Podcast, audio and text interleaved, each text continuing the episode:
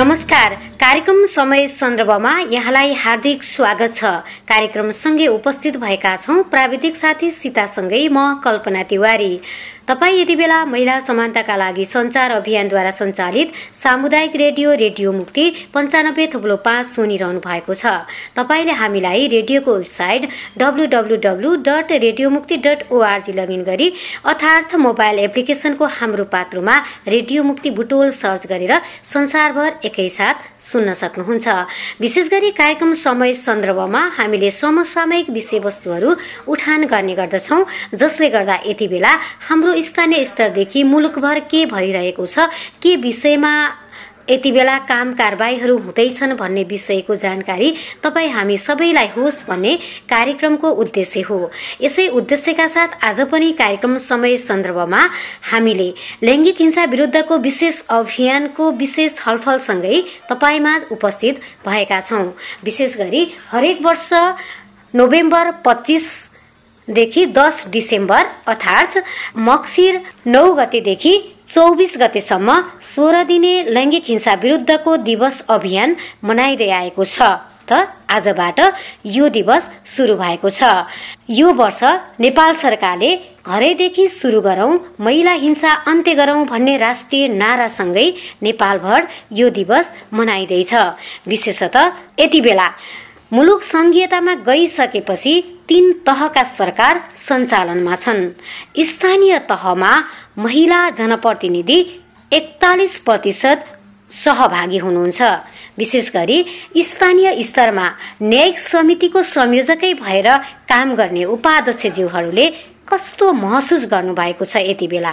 हामीले आजको लैङ्गिक हिंसा विरुद्धको विशेष अभियानको यो विशेष कार्यक्रममा यी विषयलाई जोड्नेछौँ।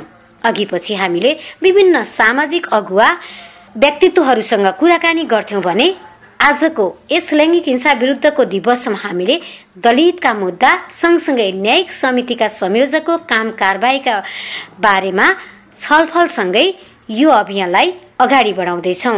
आज हामीसँग अतिथि हुनुहुन्छ लुम्बिनी प्रदेश बाँके जिल्ला खजुरा गाउँपालिकाका उपाध्यक्ष एकमया विश्वकर्माज्यू। यहाँलाई कार्यक्रममा हार्दिक स्वागत छ। हस् धन्यवाद नमस्कार।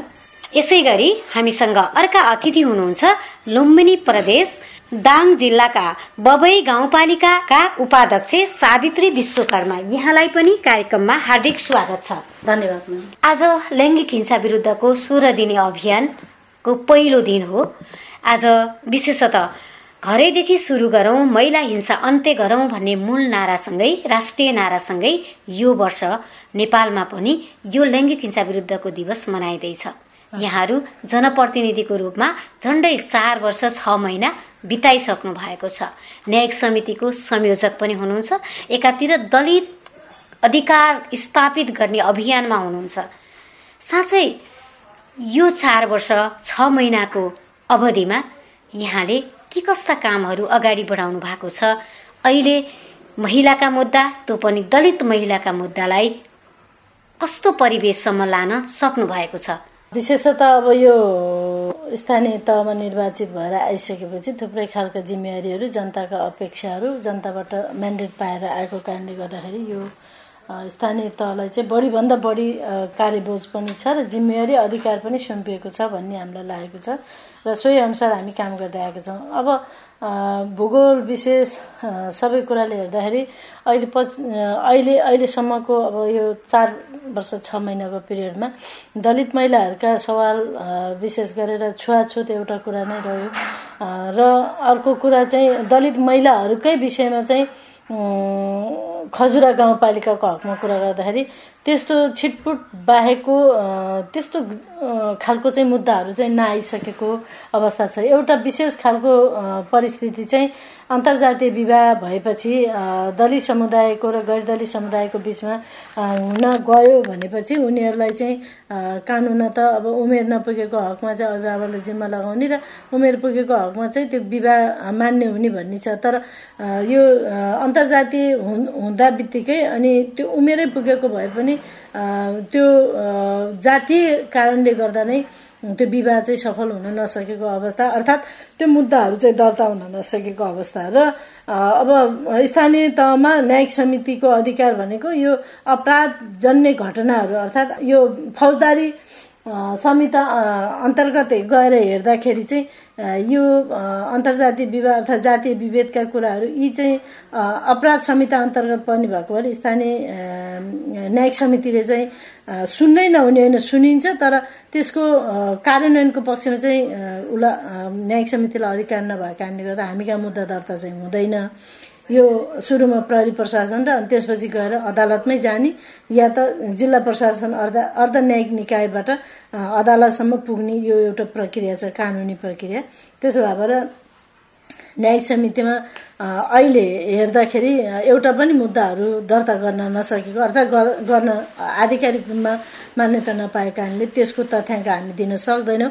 तर घटनाहरू छिटपुट रूपमा आउने अन्तर्जातीय विवाहसँग जोडिएका कुराहरू आउने गरेको कारणले गर्दा हामी चाहिँ स्थानीय प्रशा प्रहरी प्रशासनसँग चाहिँ सहकार्य गरेर त्यो विषयमा चाहिँ छलफल गर्ने अर्थात् मुद्दा अगाडि बढाउने के गर्ने भनेर त्यो मार्फत चाहिँ बढाउने गरेको छ अहिलेसम्मको हकमा। र दलित महिलाहरूको मुद्दा म खजुरा बाँकेको भएको कारणले गर्दा कति मुद्दा दर्ता भए भन्ने कुरा हामीलाई त्यस्तो एकिन तथ्याङ्क हुँदैन। त्यसैले हामीले प्रहरीसँग सहकारी गर्नुपर्ने हुन्छ अदालतसँग नै सहकारी गर्नुपर्ने हुन्छ। र त्यो सफल नभएको अवस्था पनि छ। मुद्दाहरू दर्ता भइहाल्यो। कहीँ कतै एक दुईवटा मुद्दाहरू भएको छ भने पनि अदालतसँग कुरा गरिरहँदाखेरि चाहिँ त्यो बिचमा त्यो मुद्दाहरू चाहिँ फिर्ता भएको कार्यान्वयन नभएको सजाय नपाएको भन्ने कुराहरू चाहिँ हामीले चाहिँ छलफलबाट थाहा पाएका छौँ। त्यसैले यति गम्भीर प्रकृतिको चाहिँ मुद्दा हो तर यसलाई चाहिँ कानुनले पनि वास्तवमा सजाय दिन नसकेको कुरा चाहिँ हामीलाई एउटा तितो अनुभव चाहिँ छ। हामीसँग दाङ जिल्लाका बबई गाउँपालिकाका उपाध्यक्ष सावित्री विश्वकर्मा पनि हुनुहुन्छ हामीसँगै। सावित्रीजी यहाँले पनि सँगसँगै हाम्रो एकमायाजीसँग सँगसँगै जनप्रतिनिधि यहाँ चाहिँ बबई गाउँपालिकाको उपाध्यक्ष हुनुभयो र काम कारवाही सम्हालेको पनि झन्डै चार वर्ष छ महिना बितिसकेको छ। यो अवधिमा यहाँले देखेका लैङ्गिक हिंसाका महिला हिंसाका मुद्दाहरू के छन्? यहाँले त्यसलाई कसरी सम्बोधन गर्नुभएको छ? यहाँ त न्यायिक समितिको संयोजक पनि हुनुहुन्छ। खास गरी न्यायिक समितिको संयोजकको जिम्मेवारी पाइसकेपछि हामीले दुई हजार चौहत्तर साल असारमा चाहिँ हाम्रो चुनाव भएको थियो। हामीले साउनदेखि नै साउनको चार गतिदेखि नै हाम्रो चाहिँ मुद्दा आउन सुरु भएको छ। यति चाहिँ जनताले चाहिँ यति अपेक्षा गरिरहेको छ भन्ने कुरा बुझिन्छ। मुद्दा आउने सुरु गर्यो। सुरुमै पहिलो पटक चाहिँ दलित महिलाको चाहिँ निवेदन आएको थियो। त्यो आँटा साँधी सम्बन्धी थियो। अनि त्यो सँगसँगै निरन्तर रूपमा काम गर्दै गर्दा हामीलाई क्षेत्र अधिकार हामीलाई जो दिएको छ निरूपण गर्ने र मेलमिलाप गर्ने भनेर चौबिसवटा क्षेत्र अधिकार छन्। त्योभित्र रहेर काम गर्दै गर्दा घरेलु हिंसा महिला हिंसाका घटनाहरू धेरै मात्रामा पारिवारिक मुद्दा मलाई त लाग्छ यसपटक यो जो नारा बनेको छ नि अत्यन्त सही अत्यन्त चाहिँ महत्त्वपूर्ण नारा बनेको छ। घरैदेखि सुरु गरौँ महिला हिंसा अन्त्य गरौँ भन्ने जो नारा छ यो नारा चाहिँ महत्त्वपूर्ण छ भन्ने लाग्छ। यो घरमा हुने द्वन्द्वले गर्दा साह्रै समस्या बनाइरहेको अवस्था छ। घरेलु हिंसाले कतिपय महिलाहरूले चाहिँ रक्ताम्य हुँदै दाँत झारी मागेका अनि दुधे बालक बोकेर दस बजे राति चाहिँ बाहिर घरबाट निस्किए निस्किएर सडकमा आएका आएर फोन गरेका घटनाहरू छन् ती घटनाहरूलाई हामी मेरो क्वार्टरमा सेफ हाउस सञ्चालन गरेका छौँ अहिले हामीले। मेरो क्वार्टरमा ल्याएर मैले राखेर भोलिपल्ट आफै सहयोग मागेर त्यो निवेदन दर्ता गर्न लगाएर त्यहाँ छलफल गरेर चाहिँ अगाडि बढाउने अथवा फेरि एकपटक छलफल गरेर तिनलाई सहजीकरण गरेर तिनलाई चाहिँ उ गरेर काउन्सिलिङ गरेर परिवारलाई व्यवस्थापन गर्ने चाहिँ जिम्मेवारी लिएर छलफल गरिरहेको अथवा निरूपण गरेको अनि मेलमिलाप गराएर चाहिँ गरेका घटनाहरू पठाएको कति अन्तिम स्थितिमा पुगेको घर परिवारलाई पनि मेलमिलाप गराएर फेरि हाम्रो जीवन त यस्तो पो रहेछ भन्ने गरी हामीले चाहिँ मिला मिलापत्र गरेको अवस्था छ। मिल्न चाहनेहरूलाई अत्यन्त जघन्य अपराध भएकोलाई त हामीले हेर्ने स्थिति भएन त्यो त चाहिँ प्रहरी मार्फत नै। अदालत अथवा प्रहरी मार्फत जाने घटनालाई त हामीले हेर्ने कुरा भएन। तर धेरै जसो अहिलेसम्म हामीले हेरेका मुद्दामध्ये धेरै जसो पारिवारिक बेमेल घरभित्र दुर्व्यसनको कारणले चाहिँ घरभित्र भएका हिंसा घटनाक्रमहरू एकदम सुन्नै नसकिने खालका घटनाक्रमहरू हामीसँग आएको अवस्था छ। त्यसलाई हामीले एउटा अब निवेदन लिन्छौँ। निवेदन लिएर सकिने जस्तालाई काउन्सिलिङ गरेर मिलापत्र गराउँछौँ। नसकिने स्थितिलाई कलाई माथि पठाएर प्रहरीको सहयोगमा जेल पठाएर लगभग एक डेढ वर्ष जेल बसेर फर्केको इतिहास पनि हामीसँग छ। जस्तो यस्ता खालका विकराल घटनाहरू छन् यहाँ चाहिँ न्यायिक समितिको संयोजक हुनुहुन्छ न्याय दिने स्तरमा यति बेला बस्नु भएको छ। कता कता सुनिन्छ उपाध्यक्ष भए पनि अध्यक्षकै माताहतमा चल्नुपर्ने कारणहरू पनि धेरै छन्। हामी चाहिँ विभेदमा परेका छौँ भन्ने चाहिँ उपप्रमुख उपाध्यक्षहरूको भोइस पनि सुनिन्छ बिचबिचमा आवाज पनि होइन? के छ? साँच्चै न्यायिक प्रणालीदेखि यहाँले न्याय दिने कुरादेखि अन्य कार्य सम्पादनमा चाहिँ त्यस्तो हस्तक्षेप छ अथवा कसरी गर्नुभएको छ? के महसुस गर्नुभयो यो चार वर्षमा? यो सवालमा हामीलाई अब सो हामीलाई दिएको जो जिम्मेवारी छ हामी हाम्रो संयोजकत्वमा बन्ने समितिहरू छन्। ती समिति न्यायिक समितिदेखि लिएर अनुगमन समितिदेखि लिएर त्यसपछि बजेट मेलकोट गर्ने समितिदेखि लिएर बजेट तर्जुमा गर्ने समितिदेखि अब विभिन्न हाम्रो आफ्नो नेतृत्वमा भएको समितिलाई अब त्यस्तो तरिकाले हस्तक्षेप गरेको अहिले महसुस गरिएको छैन। तर बजेट विनियोजन छ नि त्यसमा भरि हस्तक्षेप भएको छ। त्यो चाहिँ आफै तयार गर्ने आफै गर्नुपर्छ भन्ने खालको त्यस्तो मानसिकता चाहिँ छ। हाम्रो देश हो हाम्रो नेपाल पितृसत्तात्मक एउटा संस्कारबाट हुर्किएको समाज हो। त्यो त अटोमेटिकली रूपमा त्यो खालको देखिया छ देखिया छ। त्यसमा पनि हामीले पटक पटक चाहिँ अब्जर्भेसन गर्दाखेरि पनि केही सुधार त भएको छ। पूर्ण रूपमा त्यो छैन। त्यो आउँछ। तर आफ्नो नीतिमा अनुगमन समितिमा त्यस्तो हस्तक्षेप भएको छैन। मैले अहिलेसम्म मैले अनुभव गरेको कुरा। मैले एकमयाजीसँग सुन्न चाहेँ। यहाँहरू चाहिँ एउटै अभियान एउटै पोस्ट तर फरक फरक गाउँपालिकाको नेतृत्व गरिरहनु भएको छ। भर्खरै हाम्रो सावित्रीजीले बजेटमा चाहिँ अलिकति विभेद हो कि बजेट विनियोजन गर्ने बेलामा बजेट तर्जुमा गर्दा योजना तर्जुमा गर्दाखेरि चाहिँ महिलाका मुद्दा त्यो पनि दलित महिलाका मुद्दा र समग्र लैङ्गिकताका विषयका मुद्दाहरूलाई चाहिँ बजेटको कमी हो कि त्यो योजना योजनाहरू पढ्न नसकेको महसुस चाहिँ गरेको छु भन्नुभएको छ। यहाँ पनि उपाध्यक्ष हुनुहुन्छ खजुरा गाउँपालिकाको। विशेषतः त्यहाँ यो बजेट तर्जुमा गर्दा योजनाहरू बनाउँदाखेरि चाहिँ यहाँले राखेका मुद्दा अथवा यहाँको एउटा निर्णायक क्षमता चाहिँ कतिको प्रयोग भएको छ अथवा कसरी सदुपयोग गर्न सक्नु भएको छ? सो हुन्छ। वास्तविक कुरा गर्नु पर्दाखेरि स्थानीय सरकार सञ्चालन ऐनले ऐनको दफा त्यो दफाले तिनवटा अधिकार दिएको छ। दुईवटा यो राजस्व परामर्श समितिको संयोजक भएर काम गर्ने अधिकार उपाध्यक्ष उपप्रमुखलाई दिएको छ भने अर्को चाहिँ योजना तर्जुमाको समितिको संयोजक भएर वार्षिक योजना। तर्जुमाको संयोजक हुने अधिकार चाहिँ उपप्रमुख उपाध्यक्षलाई दिएको छ भने बजेट सीमा निर्धारण गर्ने अधिकार अध्यक्षको संयोजकत्वमा छ। अब बजेटको सीमा निर्धारण गरेर अध्यक्षको अध्यक्षतामा भएको समितिमा उपाध्यक्ष त्यसको सदस्य हुने व्यवस्था छ। अब उसले बजेटको सीमा निर्धारण गरिदिएपछि सकाइसकेपछि अनि अध्यक्ष उपाध्यक्षको संयोजकत्वमा भएको समितिले कार्यक्रम तर्जुमा गर्ने कुरा चाहिँ गर्न पाउँथ्यो। अब त्यो चाहिँ अहिलेसम्म कार्यान्वयन हुन नसकेको अवस्था छ। राजस्व परामर्श समितिमा चाहिँ त्यस्तो खासै प्रभाव परेको देखिँदैन। बजेट योजना तर्जुमा र नीति तथा कार्यक्रम तर्जुमा र सीमा बजेट सीमा निर्धारण समितिको हकमा चाहिँ अध्यक्षहरूको हस्तक्षेप हुने गरेको छ। जस्तो यहाँहरूको जुन अनुभव भयो नि अब यतिका चार वर्ष छ महिना बितिसक्यो। अब त चारै महिना रह्यो होइन छै महिना रह्यो त्यही पनि अब स्थानीय तहको फेरि निर्वाचन आउने बेला भइसकेको छ। एउटा उपाध्यक्ष भइसकेपछि अध्यक्षसम्म गएर काम गर्ने एउटा ऊर्जा मिलेको छ कि छैन अहिले काम गर्दाखेरि यहाँलाई? ऊर्जा होइन अब यो नेतृत्व नै गर्न सकिन्छ। अध्यक्षसँग बसेर काम गर्दा यो कस्तो हुँदो रहेछ भने एनले पनि एनले पनि के बोलिदिएको छ भने सबै कुरा गर्ने अधिकार अध्यक्षलाई। माथि जे लेखिएको भए तापनि भनेर जुन कुरा लेखिदिएछ नि त्यहाँनिर चाहिँ अध्यक्षहरूको हस्तक्षेपकारी भूमिका।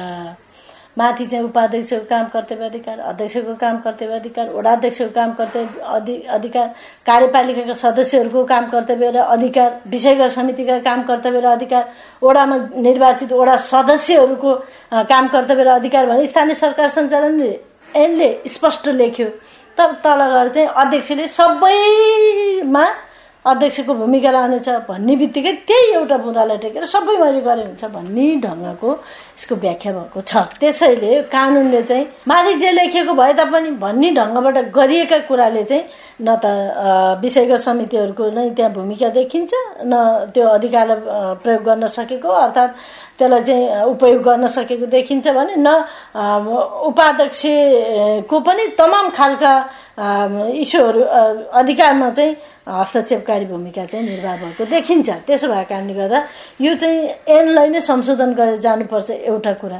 अर्को कुरा चाहिँ स्थानीय सरकार सञ्चालन ऐनले दिएको व्यवस्थामा टेकेर विषयगत समितिहरूले पनि काम गर्न पाउने अधिकारले स्थापित गरेर जानुपर्छ। यसलाई त टेक्नु पऱ्यो नि त त्यसो भएर अहिले भूमिका विहीनको अवस्थामा विषयगत समितिहरू छ जस्तो सङ्घीय संरचनामा चाहिँ विषयगत समितिहरूबाट नै एजेन्डाहरू चाहिँ निर्णय भएर अर्थात् छलफल भएर विषयगत समितिको विभिन्न विषयगत समितिहरूले छलफल गरेर विभिन्न खालको प्रस्तावहरूलाई विषयगत समिति अन्तर्गत चाहिँ त्यसको फाइनल्ली छलफल गरेर निर्णय भएर फाइल पेस हुन्छ भने स्थानीय तहमा त्यही संरचना विषयगत समिति राख्नु भनेको त्यही संरचना। तर स्थानीय तहमा चाहिँ त्यसको संरचनागत ढङ्गबाट चाहिँ त्यो भूमिका निर्वाह गर्न नपाइरहेको अवस्था छ। यदि त्यसरी आउने हो भने उपाध्यक्षलाई पनि हस्तक्षेप हुँदैन थियो किनभने टोल टोलबाट योजनाहरू ओडा मार्फत आइसकेपछि विषयगत समितिमा जानुपर्ने विषयगत समितिले चाहिँ फाइनली त्यो छलफल गरेर उसले चाहिँ ठहर गरेको विषयगत समितिले ठहर गरेर निर्णय गरेर चाहिँ त्यो फाइल कहाँ आउनु पर्थ्यो त भन्दा त्यो उपाध्यक्षको उपाध्यक्षको संयोजकत्वमा भएको के अरे योजना नीति तथा योजना तर्जुमा समितिमा आउनु पर्थ्यो। अनि फाइनली उसले चाहिँ आइडेन्टिफाई गरेर निर्णय गरेर यो ठिक छ भनेर भनिसकेपछि कार्यपालिकामा जाने त्यो एउटा च्यानल बाई त्यो एउटा अधिकार जस जसलाई चाहिँ त्यो त्यो त्यो ठाउँबाट चाहिँ त्यहाँसम्म पुग्नु पर्ने। अहिलेको अभ्यास चाहिँ के छ भने यसलाई कसैले पनि मानेको छैन। यसको अभ्यास पहिलो हो।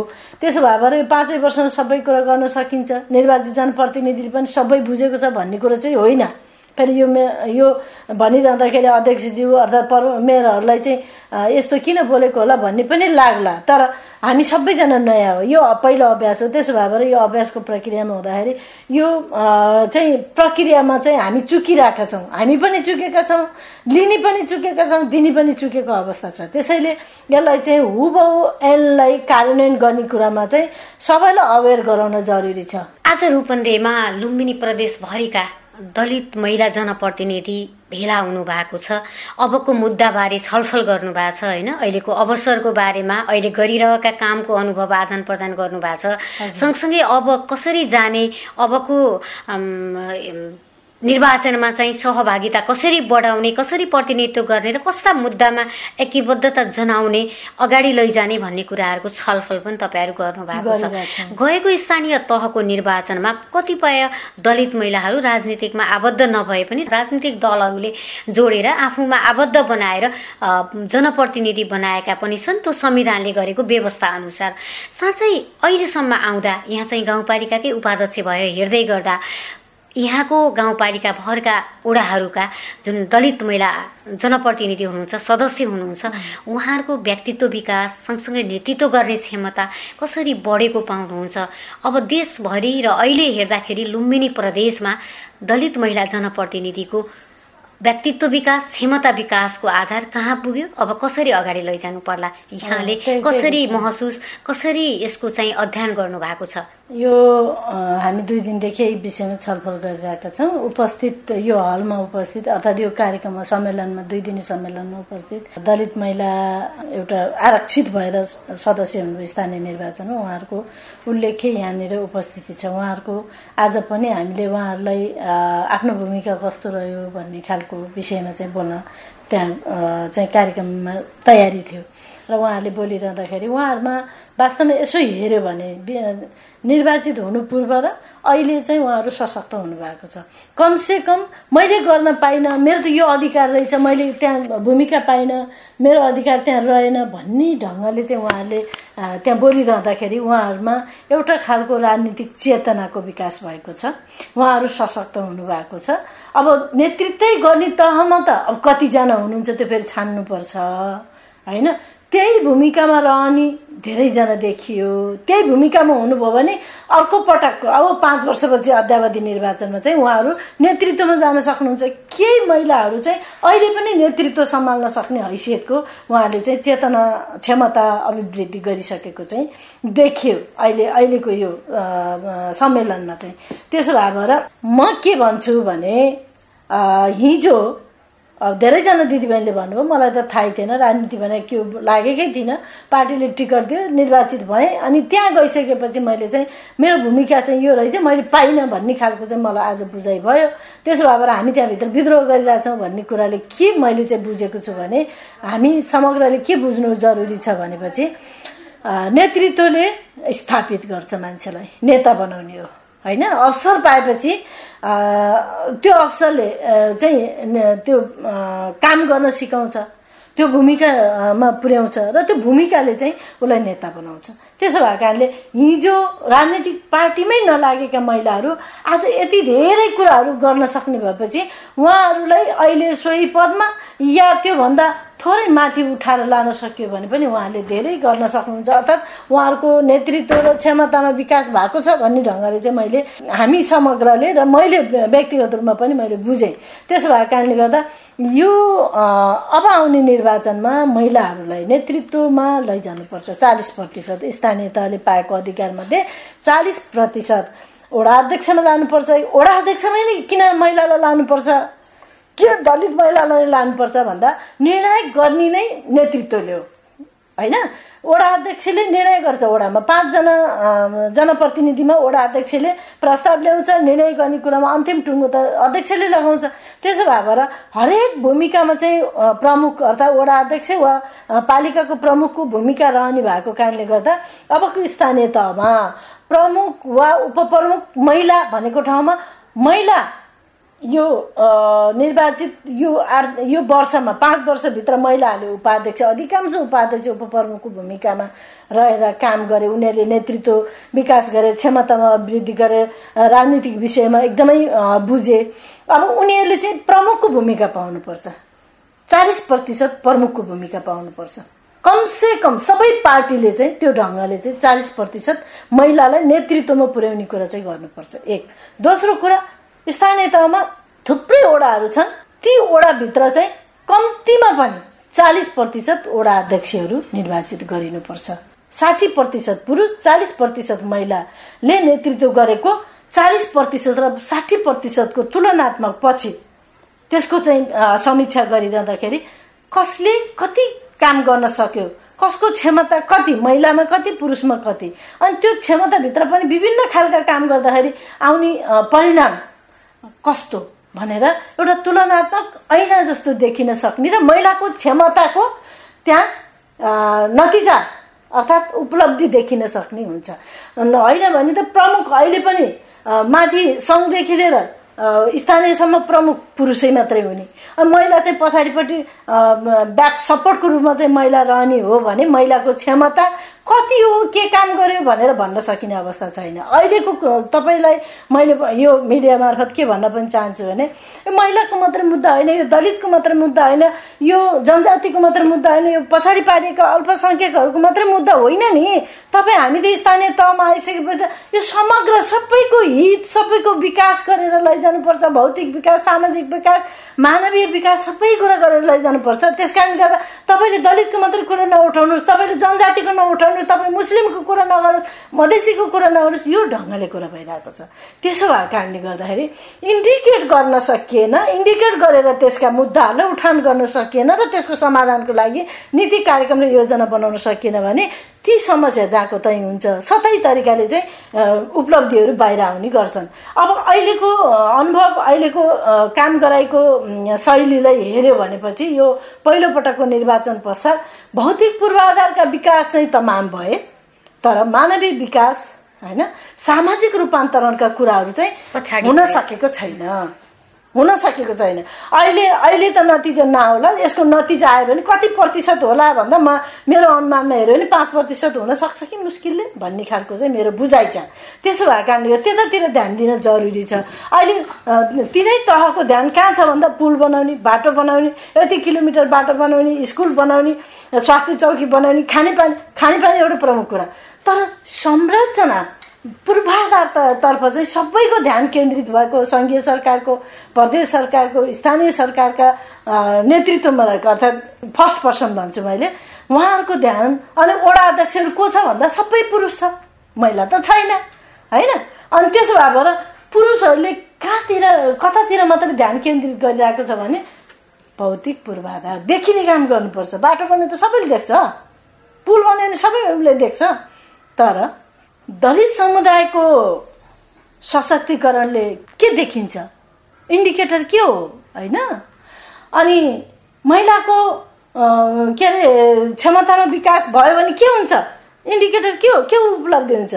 देखिन्छ कि यो ढङ्गले चाहिँ अहिले त्यो कुरा भइरहेको छ। त्यसो भएर यति बेला संवेदनशील हुन जरुरी छ र आउने निर्वाचन तिनै तहको निर्वाचनमा महिलाको प्रतिनिधित्वको सुनिश्चितता गर्ने कुरामा अब संवैधानिक अधिकारमा टेकेर स्थानीय कानुनमा टेकेर ऐनमा टेकेर चाहिँ यी कुराको लबी गर्न जरुरी छ। अनि मात्रै महिलाको नेतृत्व हुन्छ र महिलाहरूका समस्याहरू समाधान भर्खरै हामीले एकमायाजीको कुरा सुन्यौँ। सावित्रीजी तपाईँ पनि उपाध्यक्ष पदमै हुनुहुन्छ। तपाईँहरू दुवैजना फरक फरक पालिकाको उपप्रमुख उपाध्यक्षको रूपमा कार्यरत हुनुहुन्छ। आज तपाईँ लुम्बिनी प्रदेशभर दलित महिला जनप्रतिनिधि महिलाहरूको अवस्था कस्तो छ भन्ने बहसमा पनि हुनुहुन्छ। यो बहस यो कार्य अनुभव आदान प्रदान गर्दै गर्दाखेरि अबको बाटो कस्तो तय गर्नुपर्ने देख्नु भएको छ अनुमान लाग्नु भएको छ अबको नेतृत्व कस्तो हुनुपर्छ? अब दलित महिलाको सवालमा कुरा गर्दै गर्दा हाम्रो लामो एउटा अनुभव लामो सङ्घर्षको एउटा अनुभव छ। अहिले आदरणीय उपाध्यज्यू एकमा विश्वकर्माज्यूले भने जस्तै। वास्तवमा नीतिहरू बने पहिलेको भन्दा केही फरक त भयो।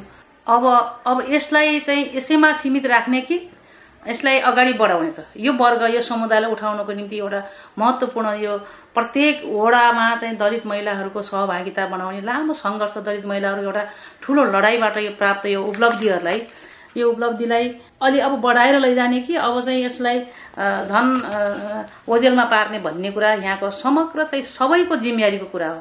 यो राज्यलाई अगाडि बढाउनको निम्ति एउटा समानता सदिउँदेखि उठाइरहेको समानताको आवाजलाई सम्बोधन गर्दै राष्ट्रलाई समृद्ध बनाउने कुरामा विभिन्न खालका विभेदलाई पछाडि पारिरहेको अवस्था छ।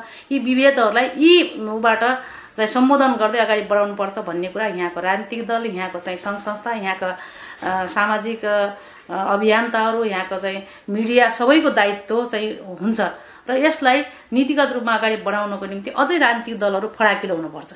सबै नीतिको माउ नीति राजनीति भएको कारणले गर्दा राजनीति तबाट माथि नउठ्दासम्म मान्छे अरू क्षेत्रको चाहिँ अरू क्षेत्र गौण हो राजनीति क्षेत्रबाट दलित महिलाहरूलाई अगाडि बढाउनको निम्ति भएका उपलब्धिहरूलाई संरक्षण गर्दै अब एक्स्ट्रा उपलब्धिहरू एक्स्ट्रा चाहिँ अन्य चाहिँ अवसरहरूको सिर्जना गरेर चाहिँ अगाडि बढ्नुपर्छ भन्ने मेरो मान्यता हो। अब हामी कार्यक्रमको अन्त्यतिर पनि आएका छौँ। विशेष गरी यहाँ लामो समयदेखि महिला अधिकारको अभियानमा लाग्नुभयो। त्यही कारण आज उपाध्यक्ष हुनुहुन्छ होइन? अब नेतृत्व अध्यक्षकै नेतृत्व लिन पनि यहाँहरू सबल सक्षम बनिसक्नु भएको छ। स्थानीय तहको निर्वाचन पनि नजिकिँदैछ। प्रत्येक वर्ष सोह्र दिने लैङ्गिक हिंसा विरुद्धको दिवस हामी मनाउँदै आएका छौँ। यो वर्ष पनि आजैबाट सुरु भएको छ। हामी कुराकानी गरिरहेका छौँ। विशेषतः यो घरैदेखि सुरु गरौँ महिला हिंसा अन्त्य गरौँ भन्ने नारालाई सार्थकता बनाउन यहाँको प्रयास यहाँको अभियान के हुनेछ अबको दिनमा? छोटोमा राखिदिनु होला। मेरो व्यक्तिगत रूपमा त अभियान अभियान चाहिँ सुरुदेखि नै मेरो अभियान चाहिँ घर परिवारदेखि जबसम्म चाहिँ हिंसाको वातावरणको अन्त्य हुँदैन जो हिंसा अन्त्य हुँदैन घर परिवार श्रीमान श्रीमती बिचमा चाहिँ एउटा हामी चाहिँ जीवनका अन्तिमसम्मका साथी हौँ भन्ने जो महसुस हुँदैन। अनि हिंसा एउटा नोकर एउटा चाहिँ मालिक बन्ने जो जो हाम्रो संस्कार छ त्यो जबसम्म अन्त्य हुँदैन तबसम्म चाहिँ यो हिंसा अन्त्य हुँदैन। यो सोह्र दिने महिला हिंसा विरुद्धको अभियान जो हाम्रो प्रत्येक वर्ष चाहिँ हामीले मनाउँछौँ त्यो त्यसको कुनै घरदेखि हिंसा अन्त्य भएन भने बाहिर बाहिरका हिंसा अन्त्य गर्ने कुरा एउटा रह्यो। घरदेखि जबसम्म अन्त्य हुँदैन तबसम्म सुखी नेपाली पनि हुन सक्दैन समृद्ध नेपाल पनि हुन सक्दैन।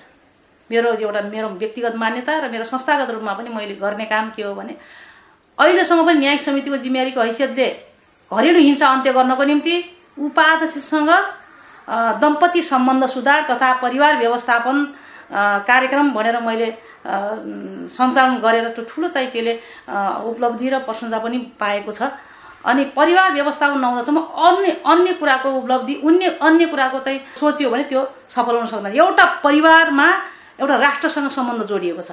एउटा परिवारबाट सुरु गऱ्यौँ भने सबै परिवार शान्ति भयो भने समृद्ध भयो भने त शान्ति भयो भने त्यसै राष्ट्र समृद्ध भइहाल्छ नि।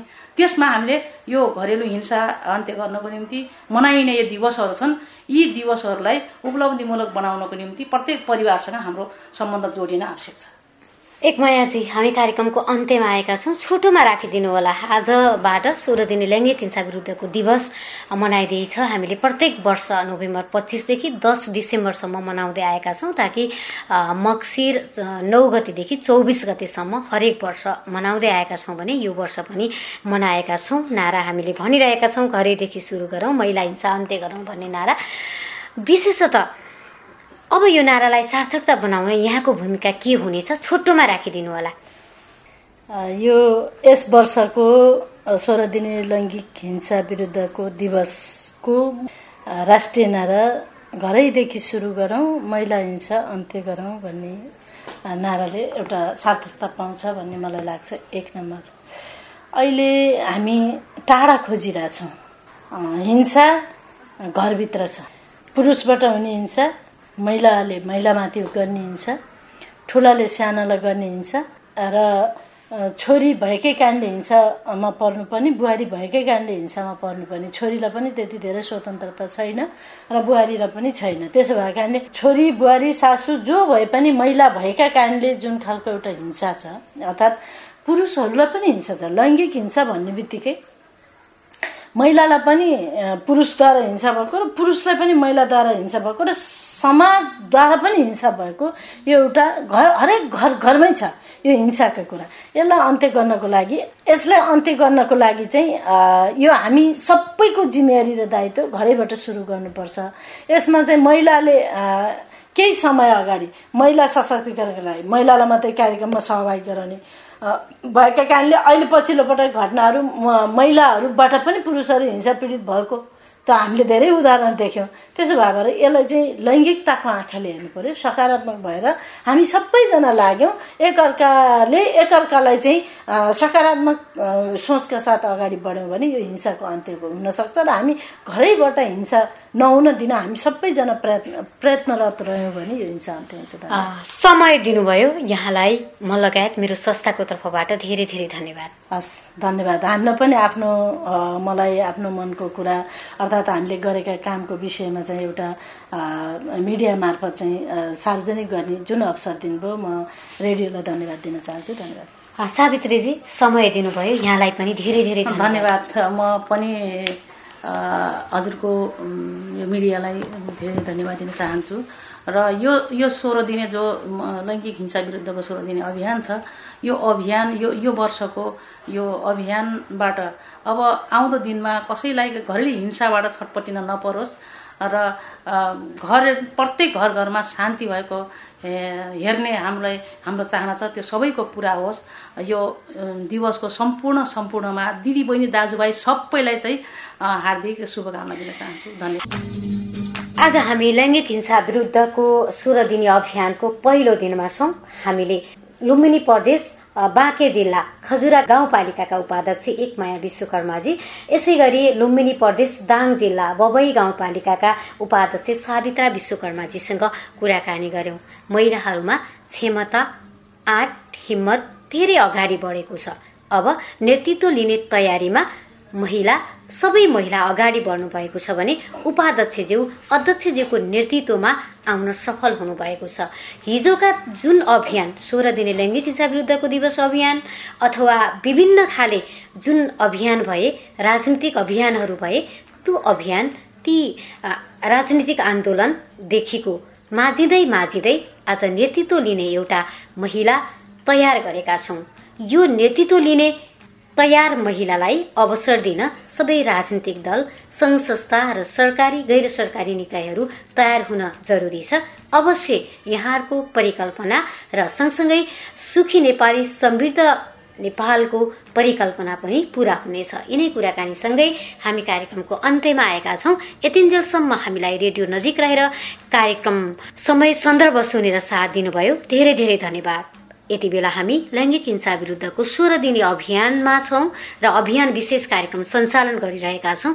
भोलि फेरि अर्को प्रसङ्गसँगै तपाईँमा आउने नै छौँ। प्राविधिक कक्षबाट साथ दिने साथी सीतालाई विशेष धन्यवाद। तपाईँले पनि हामीलाई समय दिनुभयो। धेरै धेरै धन्यवाद। यसै गरी म कार्यक्रम प्रस्तुता कल्पना पनि आजलाई कार्यक्रमबाट विदा हुन्छु। हवस् त नमस्ते। सुन्दै गर्नुहोला रेडियो मुक्ति।